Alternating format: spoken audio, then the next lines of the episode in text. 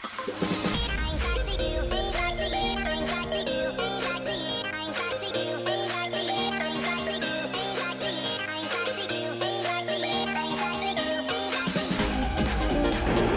inspirasi. Halo Gramets, selamat datang di podcast 10 by Gramedia. 10 ini merupakan program berisi tips-tips menarik yang berhubungan dengan karir di perusahaan. Dengan adanya podcast ini, semoga di setiap episode kamu mendapatkan inspirasi yang bermanfaat untuk pengembangan diri kamu.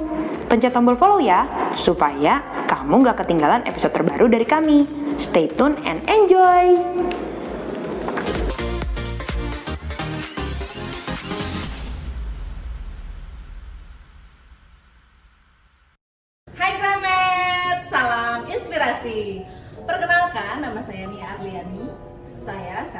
Superintendent di Gramedia Emerald Bintaro. Kali ini saya mau sharing nih tentang teknik penjualan di dunia retail. Ah, pasti penasaran kan? Apalagi untuk temen-temen nih yang mau kerja di dunia retail ini wajib kudu harus tahu pastinya. Nah tujuannya apa sih?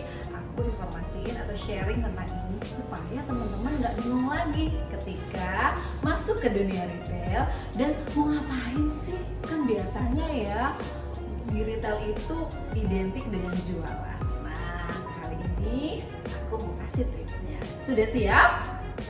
Oke baik. Tips yang pertama, prospektif. Tahapan ini adalah tahapan yang pertama pada saat teman-teman mau melakukan penjualan. Ini sudah jelas sekali ya. Jadi customer yang masuk itu adalah sebuah prospek buat teman-teman untuk ditawarkan. Ingat, yang ada di mindset kita adalah setiap customer yang datang itu pasti mau uang, ya. Nah, jadi jangan dibiarin aja. Jadi ketika customer datang, sebaiknya langsung disapa. Selamat pagi Ibu, dengan saya Nia bisa dibantu. Contohnya seperti itu.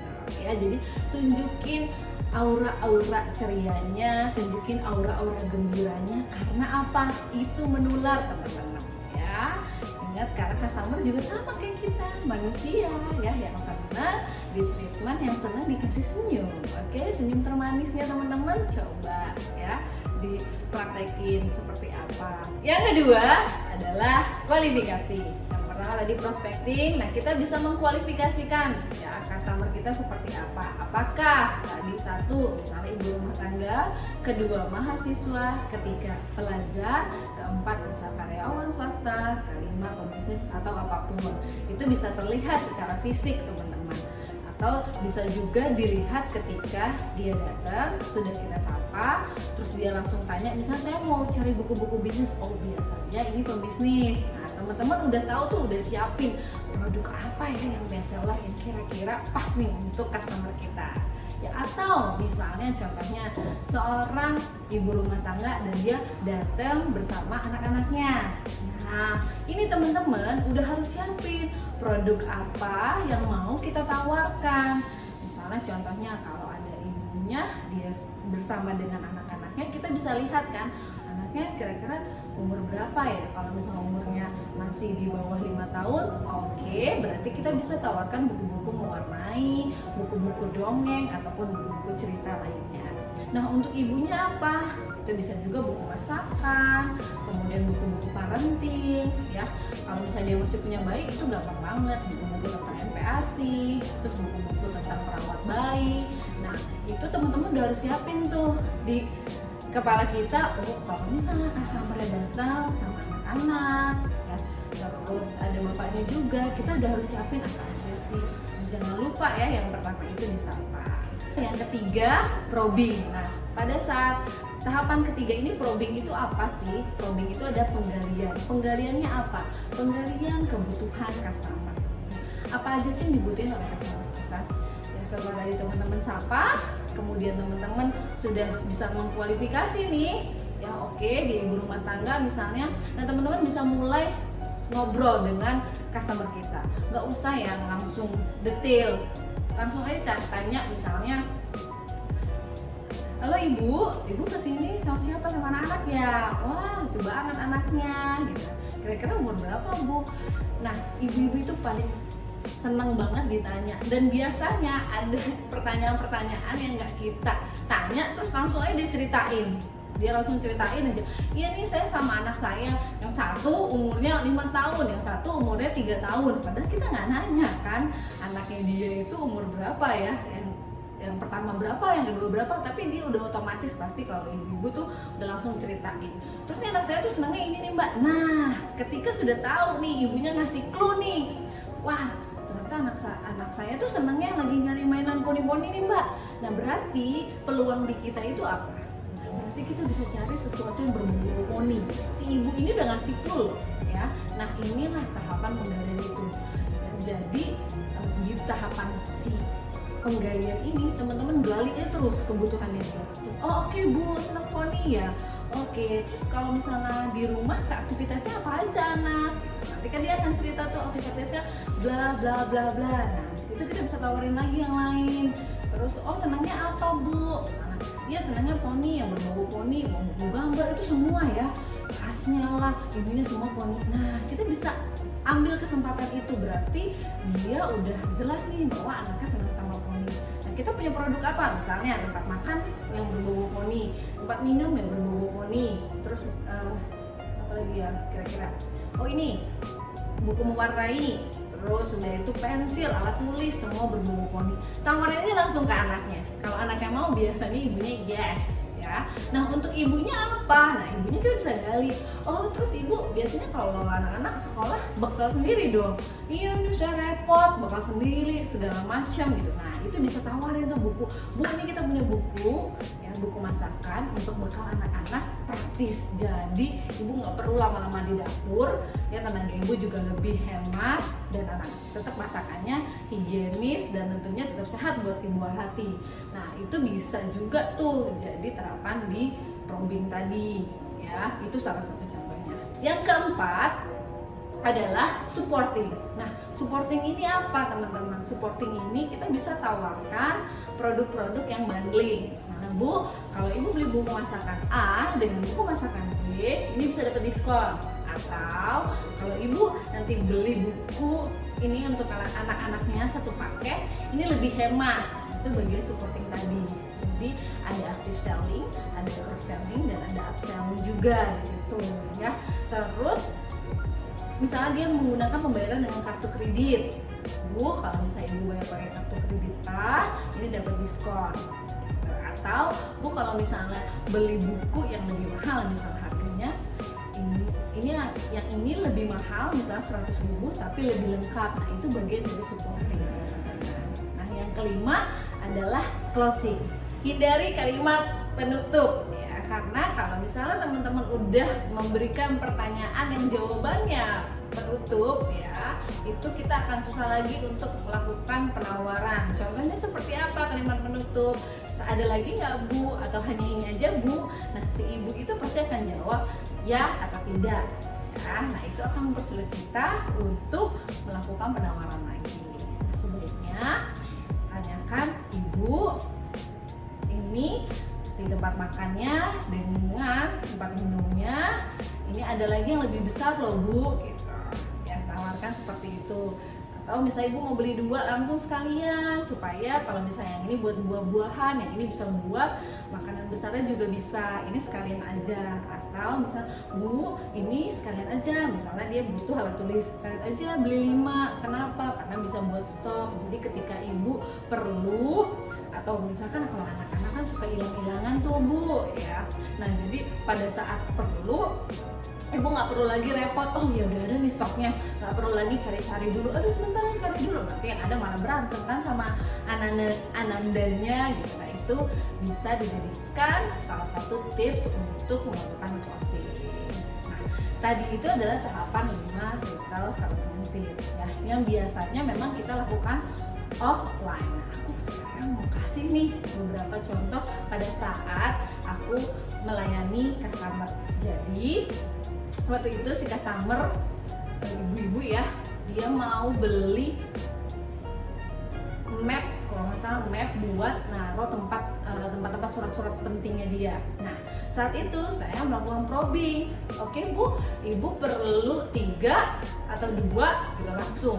Nggak lama dua aja orang anak saya dua. Nah nah ibu itu langsung ngasih tahu kan bahwa anaknya dia ada dua. Nih oh ya sudah bu. Kalau gitu tiga sekalian buat ibu satu. Hmm, dia akhirnya berpikir iya sih saya perlu juga akhirnya dia beli tiga. Mbak ini warnanya hanya ini aja. Iya bu. Hanya warnanya hanya putih biru dengan apa? Gitu ya saya lupa. Lalu akhirnya dia pilih ya udah mbak saya mau putih semua. Oke putih semua. Nah, terus habis itu dia nanya lagi saya mau cari double tape nah, akhirnya saya tawarin lagi oke bu di double tape ada di sebelah sini. Nah saya langsung tawarin bu sekalian aja sholat tipnya atau sekalian dengan tape dispensernya supaya nanti pada saat ibu pakai sholat tip enak nggak perlu digunting-gunting. Oh nggak mbak itu saya udah ada. Oh oke okay. terus dong. Nah kemudian dia jalan lagi nih masih saya temenin ya. Itu kalau misalnya customer satu udah nanya sama teman-teman temenin terus pepet terus ya. Karena itu aduh cuan banget ya teman-teman nah jadi pas jalan ke area art and art and design jadi tempat-tempat lukis gitu aku langsung bilang e, aduh kayaknya abis nih cat saya. Oh iya bu. Nih di sini ada tempat-tempat cat gitu ngecat ini untuk anaknya atau, atau untuk siapa? Saya tanya gitu untuk saya mbak saya senang banget ngecat oh yaudah ini ada kanvasnya. Oh kanvas saya ada di rumah. Karena dia cari tuh cat cat akrilik terus cat akrilik ada dia beli. Oke bu warna yang lain? Enggak saya ada. Bu kuasnya kali. Kuasnya mungkin udah udah jelek yang di rumah. Nah akhirnya dia kepikiran oh iya benar kuasnya mbak. Kuasanya kayaknya udah jelek. Nah yang seperti itu teman-teman ya itu kita tuh udah siapin tuh barang-barang yang mau kita tawarin. Ketika dia bercerita itu adalah sebenarnya peluang buat kita menawarkan sesuatu. Ya, atau kita ingetin misalnya bu kuasnya kalau misalnya dia seneng melukis berarti butuh apa? Oh butuh cat butuh kanvas butuh uh, misalnya butuh minyaknya atau butuh alatnya paletnya terus butuh kuasnya nggak usah berpikir bahwa ya nanti ditolak deh. Ya nanti paling bilangnya udah ada. Iya nggak apa-apa juga kalau dia bilang udah ada. Ya, contohnya kalau misal tadi saya tidak menawarkan kuasnya dia nggak inget loh kalau kuasnya ternyata udah rusak. Ya, akhirnya dia memutuskan untuk membeli. Dia memutusin beli ya udah mbak saya mau yang satu paket. Nah itu contoh pada saat saya menawarkan secara offline.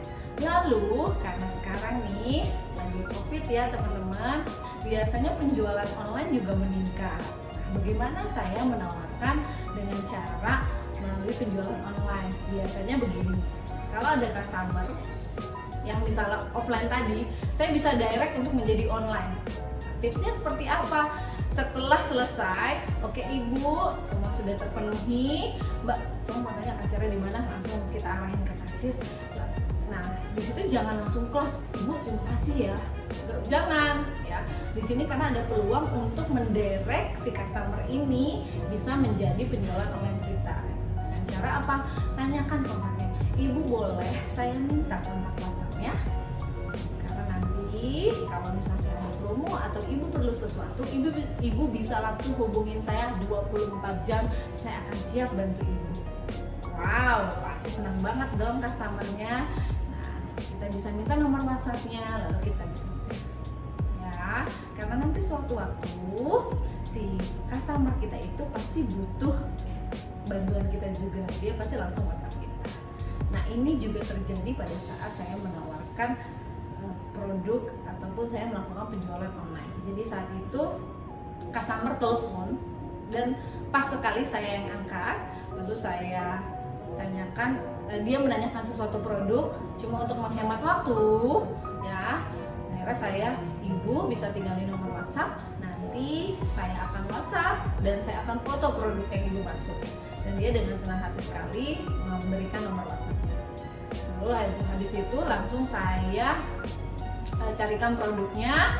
Dan ternyata teman-teman ini terjadi sampai tiga kali repeat. Ya jadi uh, kalau saya lihat berdasarkan pengalaman saya ternyata customer itu kalau udah nyaman udah ngerasa enak dengan kita dia pasti langsung ketika dia butuh dia langsung WhatsApp lagi. Jadi itu terjadi dengan customer saya ya. Sudah selesai transaksi yang satu itu di bulan berikutnya dia langsung tanya mbak Nia. Ya, dia langsung berarti dia nggak save nih nomor saya namanya Nia. Ya kan? Mbak Nia saya butuh produk ini bla bla bla bla. Oke ibu baik saya cek. Nah, pada saat itu saya sedang libur saya arahkan uh, beliau untuk langsung chat customer service. Selesai ya. Sudah selesai. Dan entah gimana lagi dia perlu lagi dia chat saya lagi. Berarti dia memang nge nomor saya. Nah itulah dahsyatnya teman-teman kalau misalnya memang teman-teman melakukan penjualan dengan setulus hati dengan rasa yang happy rasa yang gembira dan itu nyampe ke customer customer yang merasa nyaman pasti dia repeat lagi ke teman-teman itu adalah nilai plus buat kita sebagai seorang penjualan. Happy banget dong bisa bantu customer memenuhi kebutuhannya. Ya kalau masalah dapat bonus A, bonus B itu sih hanya bonus ya teman-teman penting customer happy kita juga senang untuk bisa bantu customer kita. Oke itu aja tips dari saya. Sampai ketemu di episode berikutnya. Salam inspirasi